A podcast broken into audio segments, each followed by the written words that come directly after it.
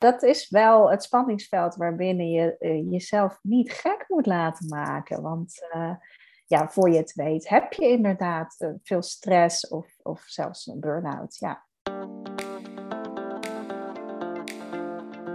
Wat leuk dat je weer luistert naar een nieuwe podcast van InspiredToTeach.nl. Deze podcast is speciaal voor de bevlogen leerkrachten, hardwerkende hulpverleners, gedreven coaches en nieuwsgierige ondernemers. Kortom, mensen die geïnteresseerd zijn in mindsets, mindfulness, mentale veerkracht, persoonlijke groei, life hacks, leren en het onderwijs. Ik ben jouw host, Mariska Bos.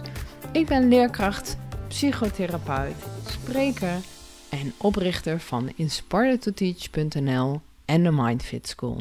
In de show notes vind je allerlei linkjes naar mijn social media kanalen en andere interessante boekentips en dat soort dingen. Dus kijk gerust eventjes in de omschrijving en abonneer, like, je weet hoe het allemaal werkt voor deze podcast. Dankjewel. We gaan beginnen. Hey Maaike, mijn luisteraars zijn van mij gewend dat ik altijd begin met een startvraag. Oké. En dat is, welke leerkracht vergeet je nooit meer en waarom? Ja, daar hoef ik niet eens over na te denken.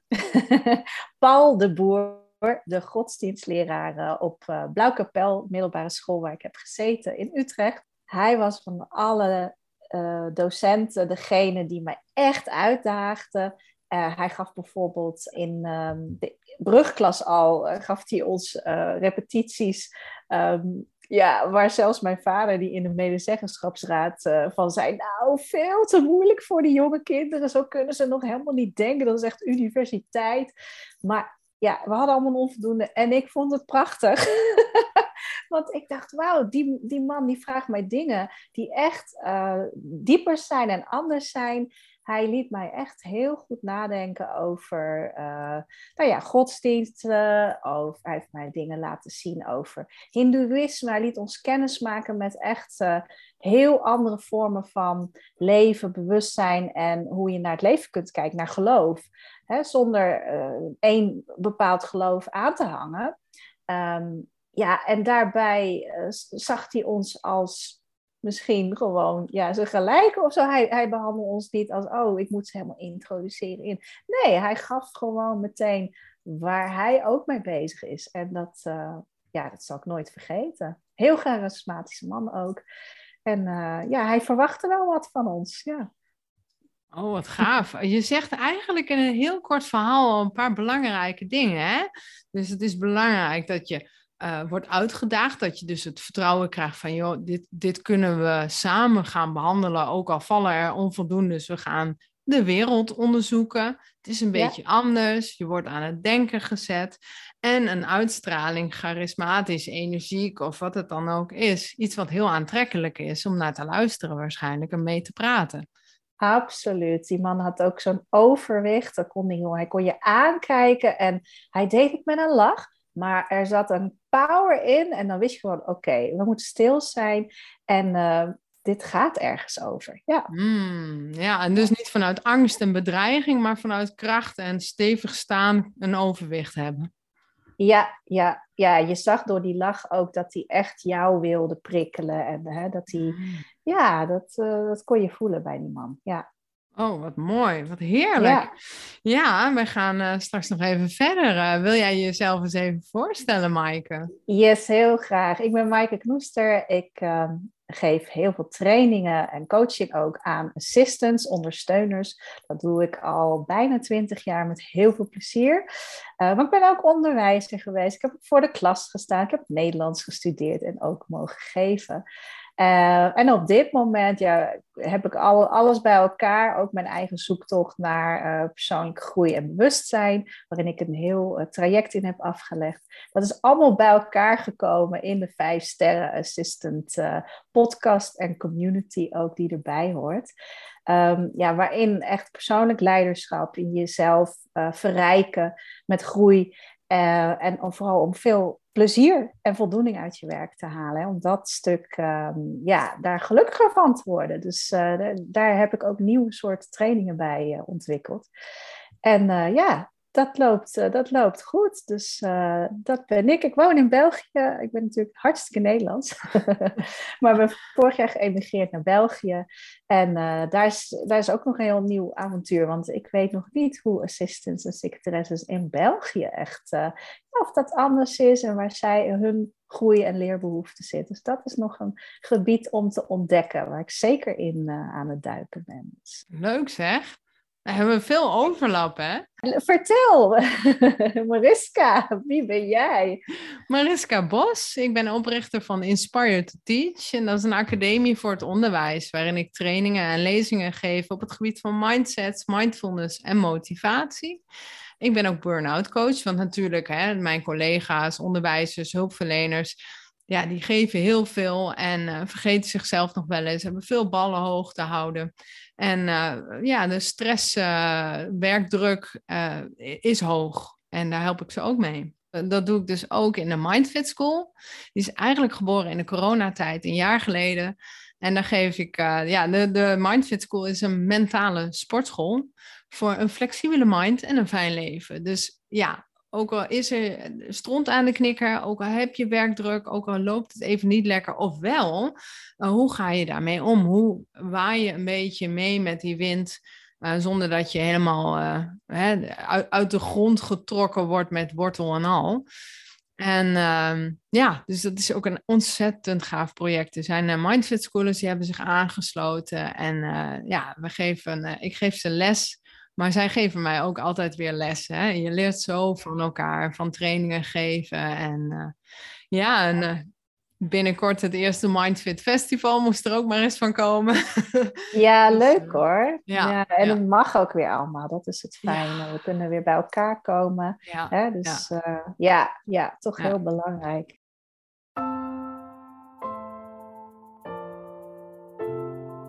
Ja, en wij kwamen met elkaar in contact en we zagen zoveel overeenkomsten en we waren aan het kletsen. En ja, er moet gewoon een microfoon tussen ons staan en dan uh, gaan. Nou zitten wij digitaal uh, aan elkaar verbonden. Um, maar er zijn toch wel, ja, je zegt assistants, hè? dan denk ik ook een beetje aan misschien wel onderwijsassistenten. Uh, of hoe dan ook, je assisteert mensen. en, en leerkrachten, hmm, ja, is dat nou heel verschillend? Of hebben die mensen nou eigenlijk, waar lopen jouw mensen nou eigenlijk tegenaan? Nou, wat jij net vertelde, het, het heel goed voor anderen zorgen, een assistant kan inderdaad uh, achter de schermen, nou ja, zoveel ballen tegelijk omhoog houden en uh, zien van hè, als er een event georganiseerd moet worden of ja, inderdaad een, een meeting voor de managers nou, dat zijn best uitdagingen, drukke agenda's, uh, er komt veel bij kijken. Uh, de mailbox bijhouden, uh, ad hoc verzoeken, noem het maar op. Nou, ja, ook daar is de werkdruk soms gewoon heel, heel hoog. En um, dat komt overeen met elkaar dat een assistant zich dan sneller wegcijfert, tenminste. Dat is wat ik ervaar. Ik ken er heel veel inmiddels ja, die vindt toch ook altijd wel een dingetje om goed voor zichzelf te blijven zorgen. En dat herken ik wel. In, uh, ik ben natuurlijk ook zelf in het onderwijs werkzaam geweest. Dus, uh, en ik heb het zelf ook, ook niet goed gedaan destijds hoor. Toen ik voor de klas stond, uh, ja, was ik ook heel erg met dat zorgen bezig voor anderen. En ja, ja, vergeet je jezelf wel eens. Ja, ja ik, ik, ik heb zoveel collega's die dan vergeten om wat te drinken of wat te eten. Of ik heb zelf meegemaakt dat ik naar huis fiets en dat ik dacht, ik, ik voel me zo raar. En dan dacht ik, ja, vind je het gek? Je hebt amper gegeten. Mm. Zo slecht voor jezelf gezorgd en zo hard gerend, letterlijk ook soms naar het kopieerapparaat. Ja, ik moest uh, helaas in de burn-out terechtkomen voordat ik dat eindelijk ging snappen.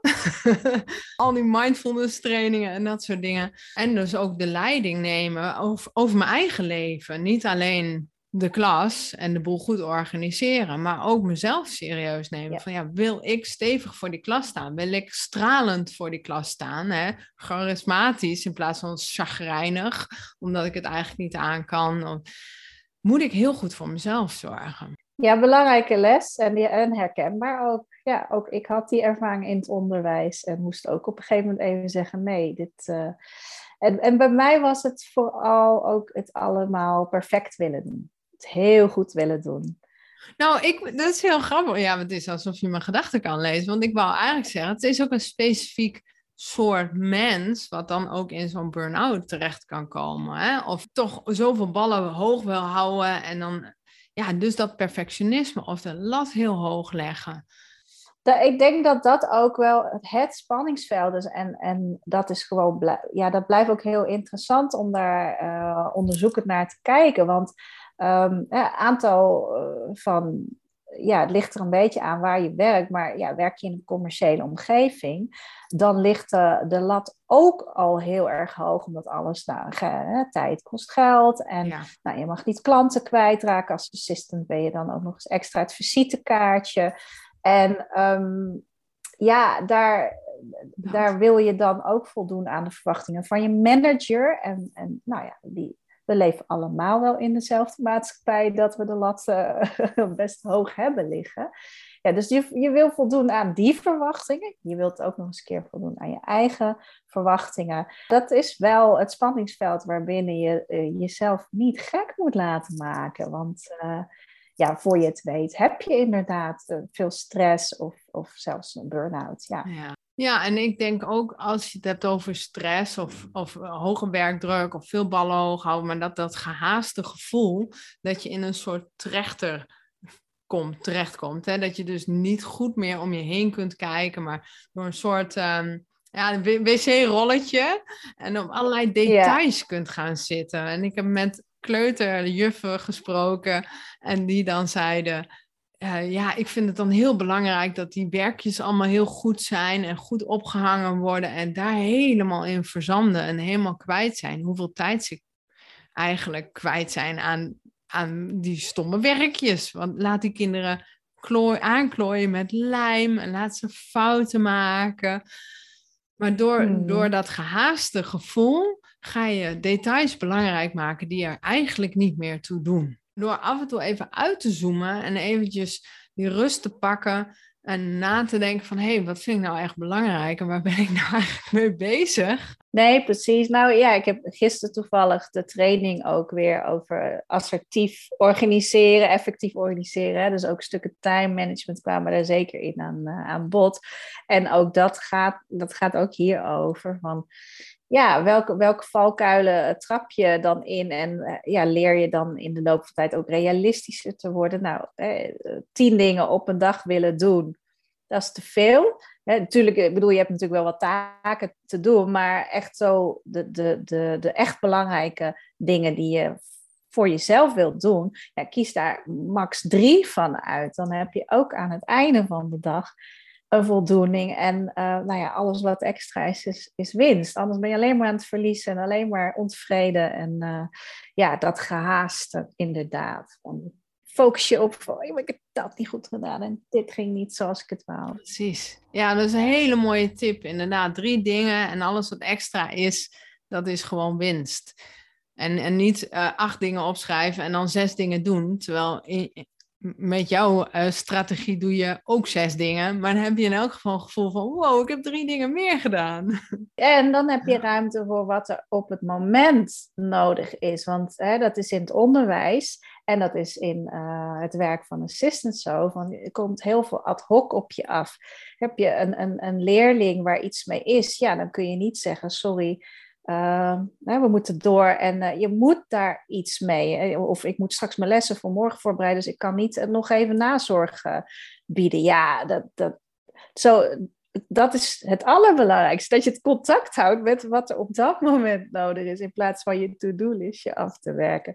En dat geldt natuurlijk ook voor bij assistants. ja, als er iets met een klant is of er is op de afdeling iets anders nodig die dag. En als je dat niet goed oppakt, ja, dan loopt het de dagen daarna in de soep. Dan kun jij niet je aan je takenlijst van ja, ik had dat en dat voor vandaag gepland. je moet die ruimte houden. Dus daarom alleen al plan niet veel vol. En ik zit ook een beetje te denken van, in, in, voor een leerkracht heb je dan dat lesprogramma, maar na schooltijd moet je dus niet alles helemaal vol plannen. Dus daar zou je wat ruimte in kunnen hebben. Hoe kun je nog meer ruimte maken nou, eigenlijk als, dat, als je een vol lesprogramma hebt? Heb jij daar nog ideeën over? Ja, ik denk wel ook het, het goed is goed genoeg jezelf gunnen. Je kunt natuurlijk een uur besteden aan uh, één les voor te bereiden. Maar je kunt ook tegen jezelf zeggen: Oké, ik geef mezelf een half uur. En daarin is het gewoon wat het is. Dan is dat het. En vertrouwen ook op je, je kennis en je ervaringen. En, en ik denk ook dat, uh, dat het heel mooi is om hulp te vragen, ook van leerlingen. En door ze dus zelfstandiger te maken, dat je dan taken verdeelt. En we hebben natuurlijk klassendienst, maar kan het nog uitgebreid worden als we het hebben over die, die, kleut, die werkjes ophangen. En laat dat kinderen doen. Maar accepteer dus ook dat het scheef is. En uh, misschien kun je, kunnen kinderen daar dat als probleem zien.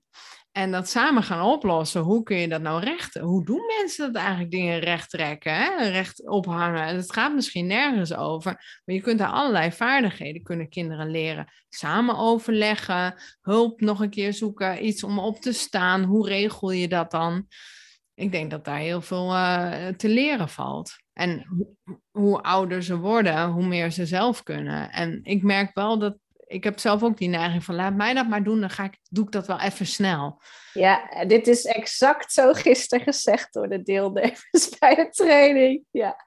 Laat ik het nou maar in eigen hand houden, dan weet ik tenminste dat het goed gebeurt. Of dan hoef ik ook niet meer tijd te steken in de ander dat te gaan uitleggen. Nee, dan doe ik het gewoon even. Letterlijk. Ik heb uh, veel gewerkt als jeugdtherapeut. Leerde ik dit ook uh, de ouders. Hè? Dus als er mensen zijn die kinderen hebben, investeer daarin. Investeer in dat veten strikken, dat ze de jas zelf dicht doen, dat ze hun eigen spullen pakken. Werk desnoods met pictogrammen, een volgorde, iets waardoor ze het zelf kunnen controleren, maar dat ze zelfstandiger worden. Want het gaat erom dat de, je leert ze zelfstandig worden, maar je krijgt daardoor zelf ook je handen, heb je dan net iets meer vrij. Hè? Ja, je maakt het jezelf makkelijker. Ja, ja, dat is mooi. Dus je zegt vertrouwen, hè? dus vertrouwen op dat de anderen ook heel veel kunnen. En uh, ja, daarmee geef je jezelf meer ruimte. Ja, ja mooi hoor. En ik zie ook wel vaker, uh, als ik dan uh, op school op bezoek kwam om een training te geven, dat ik dan heel veel mensen zelf zie vegen. De, de klas aanvegen. Dat vind ik heel lief. En ik snap ook wel dat dat ook wel ergens rust geeft. Hè? Dus het kan ook heel nuttig zijn. Dan denk ik, ja, is dat wat, je, wat jij moet doen? Kun je ook wat anders doen?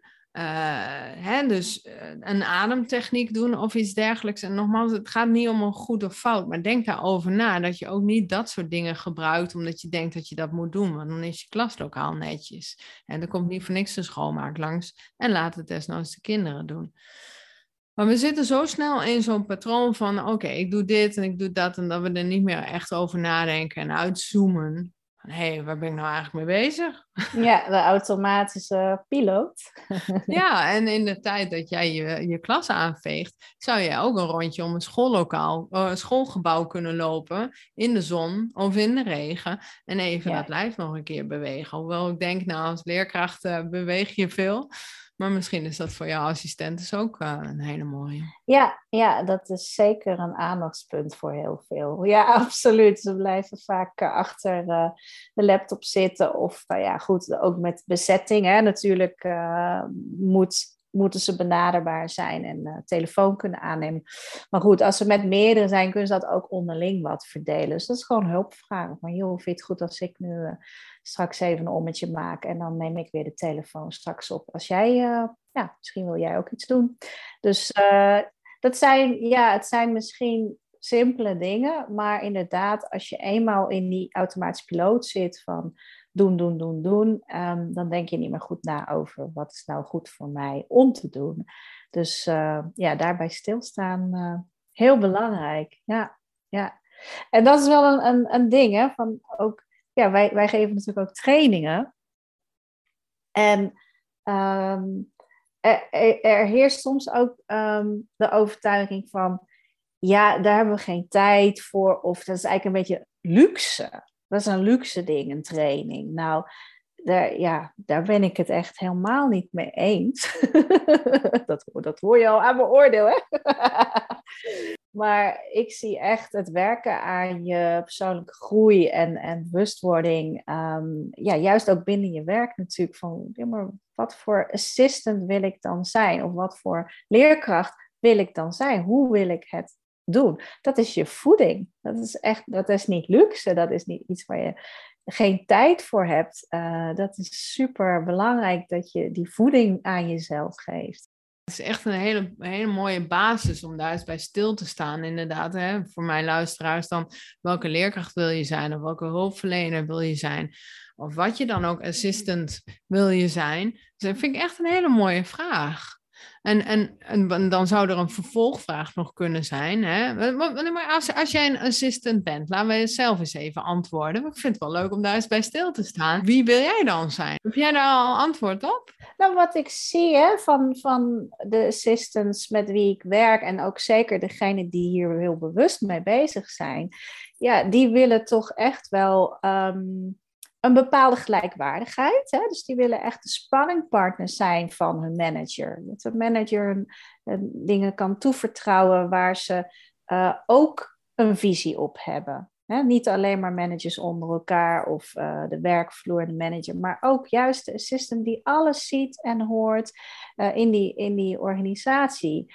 En ja, zij is daarmee, of hij, want er zijn ook mannelijke uh, assistants natuurlijk, de, de verbindende factor ook veel meer. Juist door die, die, die spin in het web te zijn, ja, letterlijk.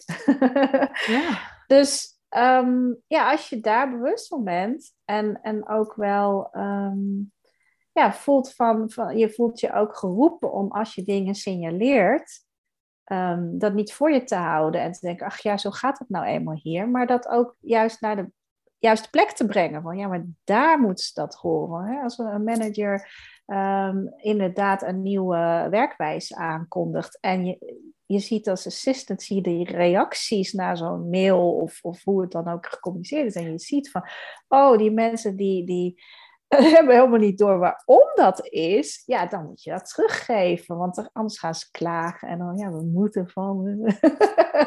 Terwijl daar had misschien even een tussenstapje uh, gemaakt kunnen worden. En dat kun je alsnog repareren natuurlijk. Maar dan moet je wel wat doen. En dat is, ja, proactief, kom in de actie. En, en dat is wel wat ik zie, dat, dat um, ja, assistants die daar bewust mee bezig zijn, die weten ook wel van, ja, ik zou me meer moeten laten horen. Hè? Ik zie best wel, um, ja, ook vanuit mijn rol zie ik ook best wel op managersniveau wat beter kan, of juist uh, bij mijn collega's weer. Dus ja, dat. En, en er zijn nog wel meer dingen, ook vooral die balans.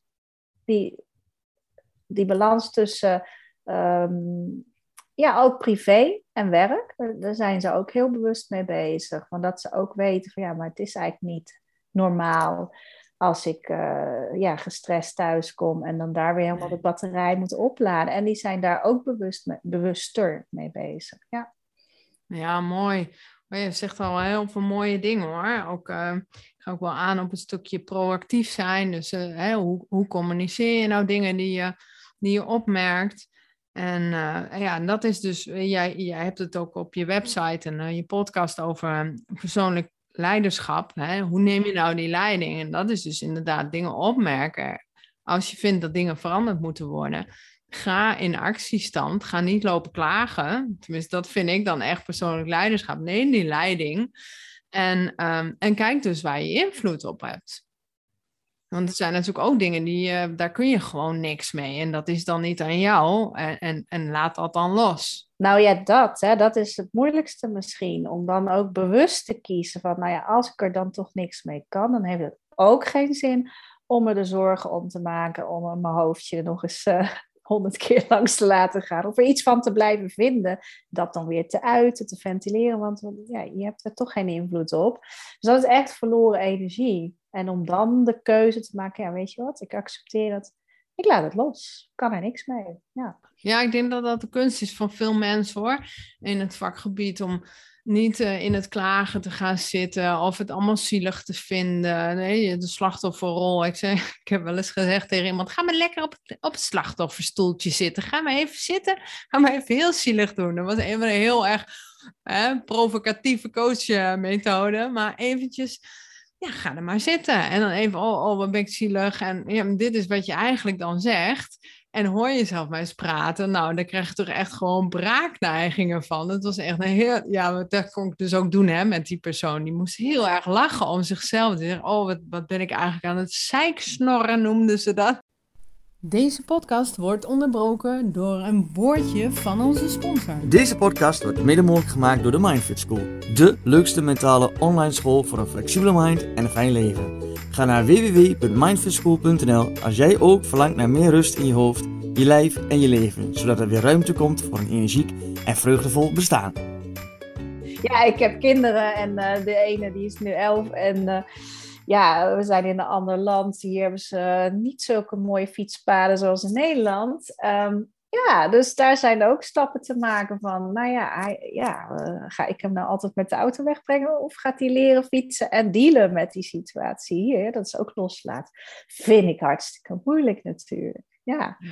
Ja, want hoe doe je dat dan? Wat gebeurt er in je hoofd of in je lijf wat, om, om, om los te laten? Heb jij daar een strategie voor? Nou, wat, wat ik niet doe, tenminste wat ik niet moet doen natuurlijk, soms doe ik het en dan betrap ik mezelf erop, is als ik wel angst voel of ik voel weerstand om iets los te laten, om er overheen te gaan. En dan, ik moet het loslaten, weet je Ja, dan, dan gaat het ook vaak niet, niet goed, uh, want ik heb het helemaal niet vanuit uh, vertrouwen losgelaten dan ben ik gewoon overheen gegaan. Dus het is wel belangrijk om te erkennen bij jezelf van, ja, oh, ik vind dit spannend hè? en uh, ik, ik, moet dit nog leren. En nou ja, in, in dit geval, dus gisteren is hij met de fiets uh, alleen teruggekomen en uh, nou, ook alleen thuis. er was even niemand. nou, eerste keer. En dan ook uh, we afspraken maken. Nou, stuur me dan een appje. En dat kreeg ik dus niet. ik stond bij de training op het einde. En ik zei, ik moet heel even kijken wat bla bla bla bla. En ik zei, en uh, ja, straks, we zijn bijna klaar. Dus de laatste onder. En dan ga ik straks even bellen. En de hele groep keek me aan. En zei, jij gaat nu bellen. Want jij maakt je zorgen en dat snappen wij heel erg goed. En nu zitten wij met jou mee ons af te vragen, is die wel thuisgekomen? Dacht ik, oh ja, precies. Dus dat mag ook gewoon. Hè? Want ja, je gaat er niet overheen en wees ook kwetsbaar erin. Dus uh, heb ik overigens dat ook belangrijk. Ik heb niet hem zo van, oh, ik dacht dat je niet. Weet je, het is wel belangrijk dat je het natuurlijk juist door te erkennen bij oh, ik vind het heel erg spannend en dat even toe te laten dan hoef je ook niet reactief op die ander die, die echt niet gebaat is met jouw angsten. hoef je dat niet op die persoon los te laten, want dan maak je hem natuurlijk bang. Echt een heel goed punt. Inderdaad, erkennen, dus voelen van, oef, ik vind het best spannend. Nou ja, goed. Eh, ik heb ervoor gekozen om hem los te maken. Ik denk ook bravo, weet je wel. Dat is een hele mooie stap. En die angst eh, echt even voelen. En wat, wat de strategie die ik dan vaak gebruik is ja, de, angst gaat in je lijf zitten. Je gaat toch een beetje gespannen ergens in je buik. Met mij gaat altijd mijn buik trekt zich in en dan krijg ik een beetje last van mijn maag. mijn schouders gaan naar boven en kaken op elkaar. Het is maar net hoe spannend ik het vind. Vuisten op elkaar. Ik zag laatst een foto van mezelf dat ik een lezing gaf. Ik stond er heel blij zo met één zo'n vuist zo dichtgeknepen. Voor de rest stond ik aardig ontspannen. Maar dat ja, verklapte toch wel dat ik het spannend vond. En dat is niet erg. Maar dat je het opmerkt en oh, ja, eventjes in- en uitademen. Goed het lichaam ontspannen. Want anders blijf je in die vlucht, eh, vlucht- en vechtactiestand staan of bevriezen in, uh, in veel gevallen. Um, en dat maakt het niet dat je dan uh, zuiverder gaat denken of meer ontspannen. Hè? Manier van denken, je, je denken, je mind reageert heel erg op je lijf ook. En je lijf reageert weer op je mind. Dus dat zijn wel van die kleine dingen die je kunt inzetten. Wat jij zegt, erkennen, ontspannen het lijf. En dan ook die, die gedachte, ja, ik kies ervoor om, uh, om mijn zoon los te laten hierin, hem vertrouwen te geven. Ja, heel mooi. Wat je dus um, ook wel doet, is nou, waar heb ik dan wel invloed op? Dat we dan een afspraak samen maken. Dat ik hem eventjes bel van, goh, ben je thuis gekomen? Ja, fijn, hartstikke goed, bravo. En dan weer. En niet in de, je zou mij toch bellen? ik ben hartstikke bang, man. Ja, jeetje zeg. Ik, ik denk dat het gewoon uh, dezelfde soort mensen een beetje begeleiden. Perfectionisme, veel ballen hoog houden, hoger stressgehalte. En daarin nog wel eens vergeten, en dat vind ik zelf een hele belangrijke vraag. Hoe hou ik het leuk voor mezelf? Want soms daardoor Hè, kunnen we in de, oh man, wat neem ik mezelf en mijn taak en mijn to-do-list toch ontzettend serieus. De lol gaat eraf. Je straalt niet meer, hè, die charisma van die man waar je het net over had. Ja, dat vind ik toch wel heel mooi. Daar, daar moet je energie voor hebben om stevig te kunnen staan. En dus de vraag, hoe hou ik het zelf voor mezelf leuk of hoe maak ik dit leuk voor mezelf, vind ik een hele belangrijke. Heel goeie, heel goeie. Ja. Als je inderdaad, eh, ben je een human doing of ben je een human being? Nou, human being is een stuk leuker zijn dan een human doing zijn. Want dan vergaat de lol uh, snel inderdaad. Ja. ja. Want als human being, dan, eh, ik stel me dan voor dat ik dan open-minded ben. En dus niet te veel in mijn hoofd alleen van, oh, ik moet dit allemaal doen, heel serieus. Maar dat ik dus ook open sta voor een beetje speelsigheid. Ik had van het weekend waren wij uh, kamperen en uh, wij lopen door Leiden met mijn schoonfamilie en uh, er is ook een, mooi voorbeeld vond ik zelf dat ik dacht, oh ja, hier, dit gebeurt er als je goed om je heen kijkt en je neemt de tijd. we liepen langs zo'n antiekzaakje en de rest liep al wat sneller door. Maar ik kom dan in zo'n dromenachtige sfeer terecht. Een beetje zo, oh leuke details, oh leuk dit. En dan vertraag ik de groep en daar vind ik dan wat van. En dan vind ik mezelf lastig. Maar de groep die vindt dat helemaal, hè, die, die blijven gewoon iets verderop wachten. Nou, ik vind daar dan iets van, hè, dat ik dan niet die mensen mag laten wachten. Maar ik loop langs het antiekzaken en ik zie een prachtige schaal. En ik denk, nee, nee, ik was bezig met minimalisme. ik ga niks kopen. Maar ik hou er wel van om naar mooie dingen te kijken. Ik ga niet voor niks naar een museum. Dus ik dacht, nou, ik ga even kijken naar die schaal. Het was net alsof die schaal zei, Mariska, kom eens, kom eens kijken. dus ik zei, ja, schaal, ik kom, naar, ik kom naar je toe. En die schaal, ik kijk in die schaal en het is een een boekje met een houten kaft. Nog nooit gezien. In het Hebreeuws, iets van Jeruzalem of zo. Nou, ik ben niet christelijk of zo, hè. En, maar ik doe het boekje open en elk, net aanzichtkaartjes met hand getekend en gedroogde bloempjes. Maar er stond dus op van Jeruzalem. Nou vindt mijn schoonvader, die is christelijk en die houdt wel van dat soort dingen. Dus, hé hey, pa, kom eens hier. Nou, een heel bijzonder boekje eigenlijk gevonden. Met bloempjes uit die streek. En nou, mijn schoonvader super blij. En uh, nou, uh, heeft het boekje natuurlijk gekocht. Maar dat is eigenlijk wat er gebeurt als we wat vertragen en om, om ons heen kijken. En dan, ja, dit is een voorbeeld van een human being in plaats van wij zijn met een stadswandeling bezig en we moeten de groep bij elkaar houden, want we zijn samen uit, samen thuis. Dat, dat. Zijn die vaste ja, die opdrachten die je aan jezelf geeft vanuit een bepaalde overtuiging. Hè? En dat is een heel mooi voorbeeld hè, in jouw geval van het past heel erg bij jou om juist wel nieuwsgierig naar nieuwe dingen te kijken. En dan ontdek je dus ook mooie dingen, die kun je weer delen. En ehm, bij uh, assistance, dat is dan denk ik wel het verschil. Hè? Uh, als leerkracht sta je echt wel voor de groep en ben je heel zichtbaar.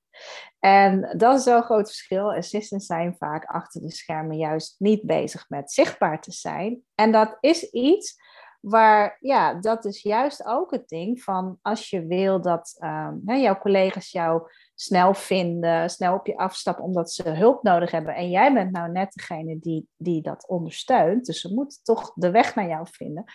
Ja, dan moeten ze je ook kennen. En dat is iets van de laatste tijd. Dat uh, je ziet steeds veel dingen rond personal branding en ook richting assistance. Hè? Dus ook richting ondersteunende beroepen. Van ja, ook jij, ook al vind je het heerlijk achter de schermen. het is echt wel belangrijk dat je ook stukken van jezelf laat zien. Van ja, maar dat is echt uniek aan mij. Dat is hoe ik graag in het leven sta. Of dat is echt, hè, uh, nou, bijvoorbeeld inderdaad hoog houden dat je niet roddelt over elkaar. Hè, dat je dat ook heel erg laat merken van dit is een integer stuk waar ik, ja, ik doe er alles aan om dat uh, nou, zelf niet aan mee te doen bijvoorbeeld. En daarmee beken je kleur. Dan gaan mensen jou ook leren zien als wauw, dat is, dat is die collega die gewoon daar niet aan meedoet. En daar kunnen we allemaal wel wat van leren. Maar dat is ook een stukje integriteit. Maar je, je snijdt wel een mooi onderwerp aan. Het roddelen, dat wordt, gebeurt natuurlijk overal. En uh, ja, dat, het is wel belangrijk om daar een statement in te maken, want het is zo makkelijk en zo lekker soms om lekker daarin mee te gaan. Terwijl je ondertussen denkt, eigenlijk wil ik dit niet, maar ja, dan ga ik er toch maar in mee. En ach, zo erg is dat niet. Maar hoe, hoe zou je, want ik heb daar zelf ook wel ideeën over en ik heb hem ook vaker ingezet. Eh, het zinnetje. Um, ja, als, als je toch merkt dat er over anderen wordt gesproken, uh, heb jij daar een, uh, al een tool voor? Een, een, ja, ik, ik hou van praktische standaard zinnetjes die je op het moment dat je hem nodig hebt, dat je hem kunt inzetten. Ja, nou, ik denk de eerste stap is dat je toch echt wel iets ervan zegt. Dat je niet denkt, oké, nou ja, laat ze maar. Want het verziekt toch wel de cultuur. En je, je, je kunt gewoon prima zeggen van, joh, ik hoor dat jullie het nu uh, hebben over uh, nou, Pieter Jan. Maar hij is hier nu niet. Dus ja, dat, mag je best wel zeggen. Want moet je het niet gewoon tegen Piet, met Pieter Jan zelf bespreken en anders? Ja, wat schiet je hier nou mee op? Precies. En ik vind wel als je iets gaat overleggen van, goh, ik wil iemand, um, ik, ik wil juist met mij meedenken, want ik wil iets kenbaar maken bij iemand, dat vind ik lastig. Maar dan, dan ben je aan het sparren. Maar dan vind ik wel dat je moet afspreken dat het bij jullie tweeën blijft. En dat je het niet in een groepje doet. Van vinden jullie dat dan ook niet? Want dat is natuurlijk ook wel wat er snel gebeurt. Ik heb wel een, een, een, standaard zinnetje bedacht, want ik vond het echt lastig van. Hoe zeg je dat nou? Van, ja, ik vind het zelf um, ik vind het wel lastig dat, dat we het over die en die hebben, terwijl diegene er niet bij is. Ik zou het toch wel prettig vinden om, om het nu ergens anders over te hebben. Of iets dergelijks waar je zelf mee aan de slag, uh, ja, waar je je prettig bij voelt om het toch aan te geven. Uh, zonder dat je met de vinger wijst van uh, oh, jullie zijn aan het roddelen en dat vind ik niet oké. Want je wilt toch die relatie goed houden. Dus ook voor de luisteraars ben ik wel benieuwd nou, hoe sta je daar zelf in? En wat voor zinnetje zou je voor jezelf kunnen bedenken, wat je dan zou kunnen zeggen? En dat hoeft niet alleen op je werkplek, hè? Het kan ook met, uh, weet ik veel, met de buren of familie of zo. Daar kun je het al mee oefenen. Precies, ja, dat is met heel veel dingen, heel veel hè, luisteren samen wat te doorvragen, feedback geven, noem het maar op. Dat is perfect omdat uh, op een partner of een, uh, een kind of een uh, ouder. ja, ja jouw zinnetje is, is eigenlijk soortgelijk hè, daaraan. Want je houdt het bij jezelf, maar ja, je duidt wel aan van, goh joh, uh, ja, het, voelt toch niet goed dat die persoon er niet bij is. Dus, uh... En ja, de andere kant is ook wel van als je merkt van hé, hey, ik heb de neiging om toch vaak over die ene collega dingen te zeggen. Ik vind daar dus dingen van. En toch de neiging om, om het daarover te hebben. Dat zou weer juist interessant kunnen zijn om op zoek te gaan naar oké, dat, dat gedrag van die collega, dat uh, nou, kennelijk uh, raakt mijn allergie of hè, daar, daar, daar, heb ik iets tegen. Maar je zou eens kunnen kijken van wat is de goede intentie van die collega, waardoor dit gedrag ook, misschien is het wel een valkuil van die persoon, hè, maar hè, iemand die heel erg, um, nou stel dat je een collega hebt, die bemoeit zich tegen van alles aan. En jij voelt dat als, ja, hallo, vertrouw je mij niet? Ik kan zelf ook, hè, ik, ik werk hier misschien iets minder lang dan jij, maar uh, ik kan wel wat. dat is natuurlijk een uiting van, nou, dat zou kunnen zijn, die collega wil ontzettend graag dat dingen goed lopen.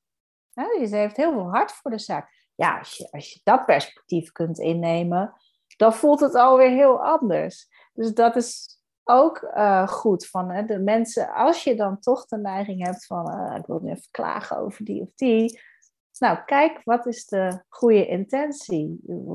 Ja, als ik dat doe ook hier thuis. Wel, hè, mijn man en ik, we hebben ook echt absoluut verschillen, gelukkig maar. Dat zou heel saai worden. En soms doet hij ook iets dat ik denk, hè? dat zou ik nou heel anders doen. Ja, en, en, en daar kan ik kritisch op worden. Of ik ga eens een keer gewoon echt geïnteresseerd van, ja, maar wacht eens even. Wat wil hij eigenlijk? Nou, dan kom je op zo'n ander level uit. Ja, en dan ineens vind je het wel veel minder storend en uh, hoef je er geen ruzie meer over te maken. Ja, dat is mooi, hè? Dat is uh, de, de kernkwadrant de allergie en uh, je valkuil en de kernwaarden en dergelijke. Daar heb ik nog een podcast over gemaakt. Ik geloof iets van podcast 16, maar dat doe ik even uit mijn hoofd. Ik kan ook helemaal mis hebben. Kan ook 6 zijn, geen idee. Maar ja, dus uh, nee, leuk. Dat, ja, dat, zelfs dat doe ik in de klas, hè, in mijn groep 8. Eh, om daarnaar te kijken van wat maakt het nou dat je iemand heel irritant vindt, omdat je dus daarnaar kijkt. En niet naar uh, dat het gewoon, ja, iemand bemoeit zich ermee. Iemand is gewoon heel nieuwsgierig of heel betrokken. Ja, ja heel mooi voorbeeld. Ja, ja. Ah, goed om dat al, ja, juist op die leeftijd. Uh, ja, want hebben we het over roddelen, ja, dan, dat is natuurlijk ook iets wat gebeurt al uh, op die leeftijd. En ze, ze hebben voorbeelden genoeg van volwassenen. Dus ja, dat zit er dan al in. Ja, en uh, iemand zei een tijd geleden ook tegen mij, ja, roddelen is ook een soort test om te kijken of je dezelfde waarde hebt en zo. Het is niet alleen tijdverdrijf of zo, of misschien dat je zelf niet zo lekker in je vel zit en dan roddelen over anderen maakt dat je een beter gevoel over jezelf krijgt, maar ook van, hé, hey, maar vinden wij eigenlijk dezelfde dingen belangrijk? Vind je... Hè? Dus dan dacht ik ook, oh ja, dat is natuurlijk ook wel, uh, wel zo. Dat vond ik wel heel interessant. Een andere kijk op roddelen aan zich, ja. ja. Hey, heb jij nog een, uh, een leuke tip of een oefening die jij in je trainingen doet of mensen meegeeft als het gaat om ja, onze soort mens, hè, die perfectionistische mens die, uh, ja, die veel van zichzelf eist, behalve de dingen die we net al hebben gezegd? Um, ja, het, het, het ombuigen ook. En daar heb ik ook een podcast over opgenomen. Ja, ik heb, ik heb een, ik denk dat het wel ook aflevering 6 bij mij is. maar uh, de valkuilen van assistance. En daarin zit ook per perfectionisme bij. En het jezelf vergeten, goed voor jezelf te zorgen. Maar ehm, nou, vooral dat laatste ook. Maar als je heel goed, hè, dat kan, kun je ombuigen. Als je heel goed voor anderen kunt zorgen, kun je eigenlijk ook heel goed voor jezelf zorgen. Mm. Um, maar ga dat dus ook, ja, kies, kies een activiteit of kies een moment in de week dat je dus afspreekt van ja, en dan ga ik mezelf dus, hè, dat wat ik altijd voor anderen doe, dat ga ik eens voor mezelf doen. Dus waar word ik nou heel blij van? Uh, wil ik even, uh, nou, twee uur helemaal lekker de polder in, met een muziekje op mijn hoofd. Doe er nog even een schepje bovenop. Oh ja, en dan trakteer ik me daarna nog ook eens op een heerlijke, lekkere latte macchiato met een koek erbij. Maar je kunt je kunt heus wel heel goed voor jezelf zorgen. Want je zorgt heel mm. goed voor anderen. Je denkt aan van alles wat zij belangrijk vinden. Dus zet, je, ja, zet in je agenda van, oh, dan geef ik even een tractatie aan mezelf. En dat kun jij heel goed. Ja, heel leuk. Ja, mooi. Dus niet alleen al die to-do dingen en afspraken inplannen, maar een date met jezelf. Of even jezelf uh, vieren dat je bestaat. Ja. en dat je zo hard werkt voor anderen. Leuk. Ja, en je kunt ook echt niet heel goed voor anderen zorgen als je niet goed voor jezelf zorgt in de zin van, ja, als jij niet lekker in je vel zit of je bent te gestrest, ja, de, de, jouw, jouw werk leidt daaronder en je contact met anderen, de kwaliteit is gewoon minder op dat moment. Je ziet dingen niet goed of je hoort bepaalde dingen niet die, die ook worden gezegd. Je hoort de complimenten niet eens meer, want je bent alleen maar bezig met wat moet ik nog allemaal afkrijgen. Dus je mist, je mist echt wel de echt belangrijke en, en ook de goede, ja, die kwaliteit die je juist wilt leven. Als jij niet lekker in je vel zit, dus jij bent super belangrijk, ja. Ja, voor leerkrachten ook hoor. Echt gelukkige, energieke uh, leerkrachten, docenten. Dat is zo'n inspiratiebron. Voor de leerlingen. En eh, ik, ik heb die vraag van welke leerkracht vergeet je nooit meer en waarom, die heb ik al aan zoveel mensen gesteld. En ik ben nu bezig op de, achtergrond om daar een boekje van te maken met tips en allerlei Mm. verbanden met de psychologische modelletjes en dingetjes en oefeningetjes. Wordt heel leuk. Ja, ja, En leuk. eigenlijk gaat het elke keer om, het zijn die, die leerkrachten die mij zien, en die mij vertrouwen geeft. En de leerkracht die blij en vrolijk met humor en, en enthousiasme voor die klas staat. Dat zijn die leerkrachten die onvergetelijk zijn. En die Hmm. dus ook eh, ja, die leerlingen weer meegeven, meenemen. En ja, dat is zo belangrijk om, dat, om dus goed voor jezelf te zorgen. Ja, Ik heb, ik heb zelf nog een leuke. Dat is, eh, eh, ja, er zijn heel veel dingen die je kunt doen voor die zelfzorg. En ehm, nou, de, de- ik vind dit wel een hele leuke. Dat is het politieboekje. Eh, Mhm. En dat is omdat er veel mensen die perfectionistische neigingen hebben, die hebben het woord moeten gecultiveerd. Ik moet dit, ik moet dat. En, en dan zeg ik wel eens, probeer eens in plaats van ik moet de kinderen ophalen, ik ga de kinderen ophalen of ik wil de kinderen ophalen. Misschien wil je het gewoon. Klinkt toch veel beter? Oh, ik wil de kinderen vandaag ophalen. Ik moet de kinderen vandaag ophalen. ja. Maar het politieboekje, dan ga je dus al die dingen die je dus moet, die ga je opschrijven. En er zijn mensen die in mijn praktijk, hè, die komen en die moeten dan, moeten, jawel, die moeten een week lang, dan krijgen ze een notitieboekje mee, al die dingetjes die ze moeten doen van zichzelf opschrijven. Hmm. En dat gaat van de, de vaatwasser op een bepaalde manier inpakken. Eh, de, het aanrecht voordat ik ga slapen helemaal leeg. Eh, al het werk nagekeken hebben. Eh, De, nou, alles. Alles wat je moet. Als ik bij iemand op bezoek ga, dan moet ik wel iets meenemen. Ik moet één keer in de week mijn ouders bellen. Ik moet van alles. Voor je werk, voor jezelf, voor je gezondheid, voor het slapen gaan, al die dingen. Ja, Nou, echt de als- politieman in jou. Ja, echt zo'n politieman die dan echt dat allemaal zo'n bonnenboekje zo heel streng allemaal noteert. Dit doe je, dit moet jij allemaal. Dit is ons wetboek.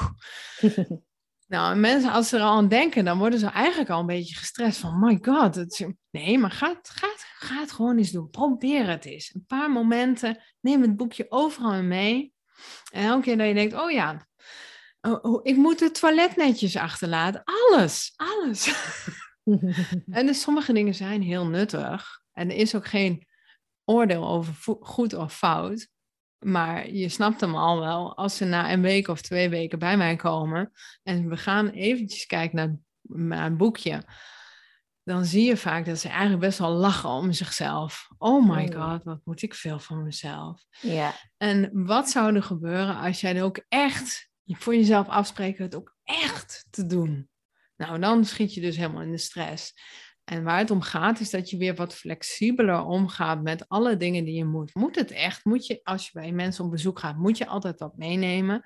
Van wie moest dat? Ik, merk, ik merkte op een gegeven moment dat ik dat ja, had overgenomen van mijn lieve moeder. Die ook heel lief altijd zorgt voor anderen. Altijd iets meenemen, heel attent willen zijn. En ik vergat dat dan. En dan, oh shit, ik moet nog wat meenemen. En dan gaf, gaf allemaal stress en moest ik het snel regelen. Dan denk ik, wat doe ik mezelf aan, toch? ja, ja. En Waar het dus om gaat is welke dingen zijn echt nuttig.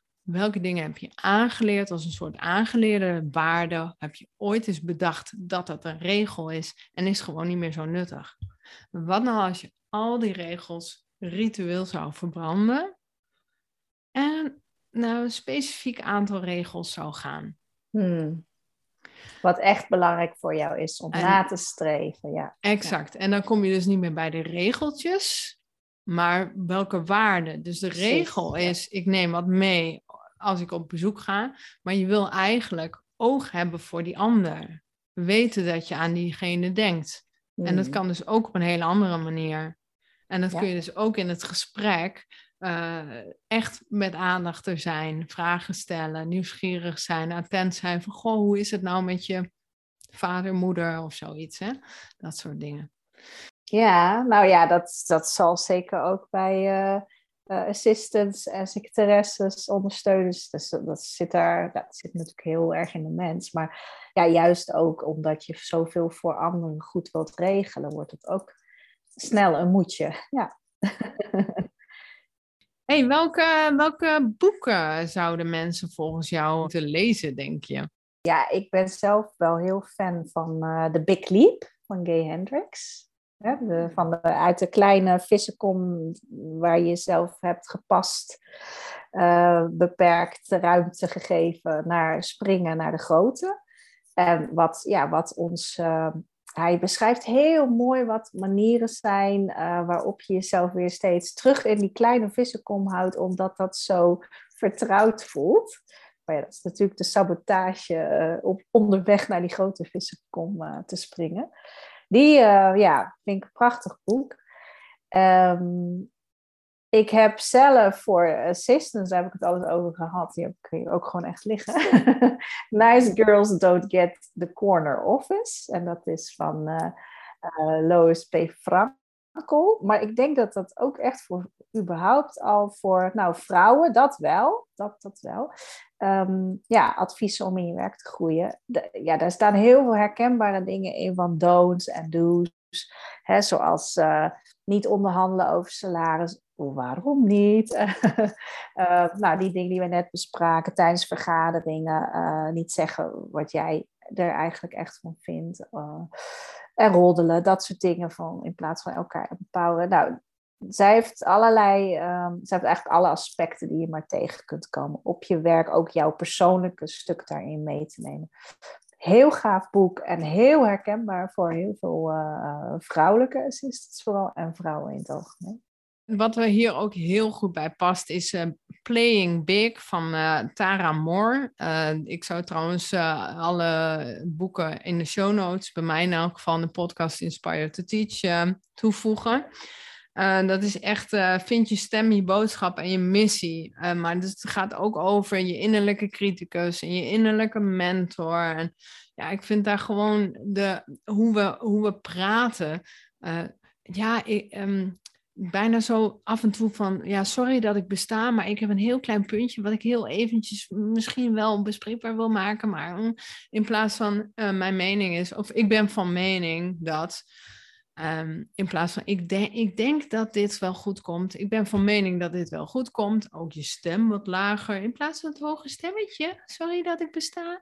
Dan mag ik alsjeblieft wat... Ruimte innemen. Neem ja. ja, hallo. Je bent hier gekomen omdat je hier mag leven. En neem je ruimte in. En niet vanuit de ellebogenwerk. Maar inderdaad van, hallo, ik hmm. heb hier ook wat te brengen. Ja, heel mooi. Ja.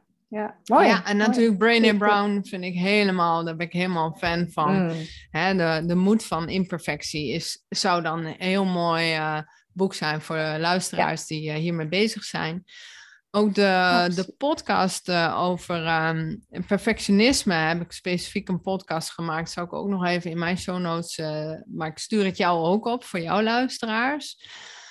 Mm waar, Leuk, zal ik erbij vermelden. Ja. Waar, waar kunnen mensen jou vinden? Als ze denken, hé, hey, die Maaike Knoester, dat, dat klinkt wel uh, leuk wat ze te zeggen heeft. Ja, dus je kunt natuurlijk luisteren naar mij met de 5 Sterren Assistant podcast. Die is op Spotify, Apple, nou alle bekende platforms aanwezig. mijn bedrijf heet Corion met een C, dus C-O-R-E-O-N van Nico. Uh, de website www.corion.eu. Uh, daar kun je overigens ook daar de podcast beluisteren. Ja, en via LinkedIn, uh, ja, ik hou van connectie. Dat, uh, ik heb echt, uh, ik, ik ga helemaal aan op interactie, connectie, verbinding. Dus kom lekker in mijn netwerk via LinkedIn, Maaike Knoester. op Facebook ben ik te vinden. Um, ja. Superleuk. Ik ga het allemaal toevoegen. En jij, Mariska? Waar kunnen we meer over Inspire to Teach ja, uh, inspire2teach.nl En toen mag je gewoon met T-O schrijven of met een 2. Dan kom je er. Oh, dat kan allebei. De, nou, je kunt er alle twee uh, komen. de, natuurlijk www.mindfitschool.nl En ik ben op Instagram lekker actief. Dan kun je mij vinden als juf Mariska Mariska Bos met SCH, want er zijn meer juf Mariska's.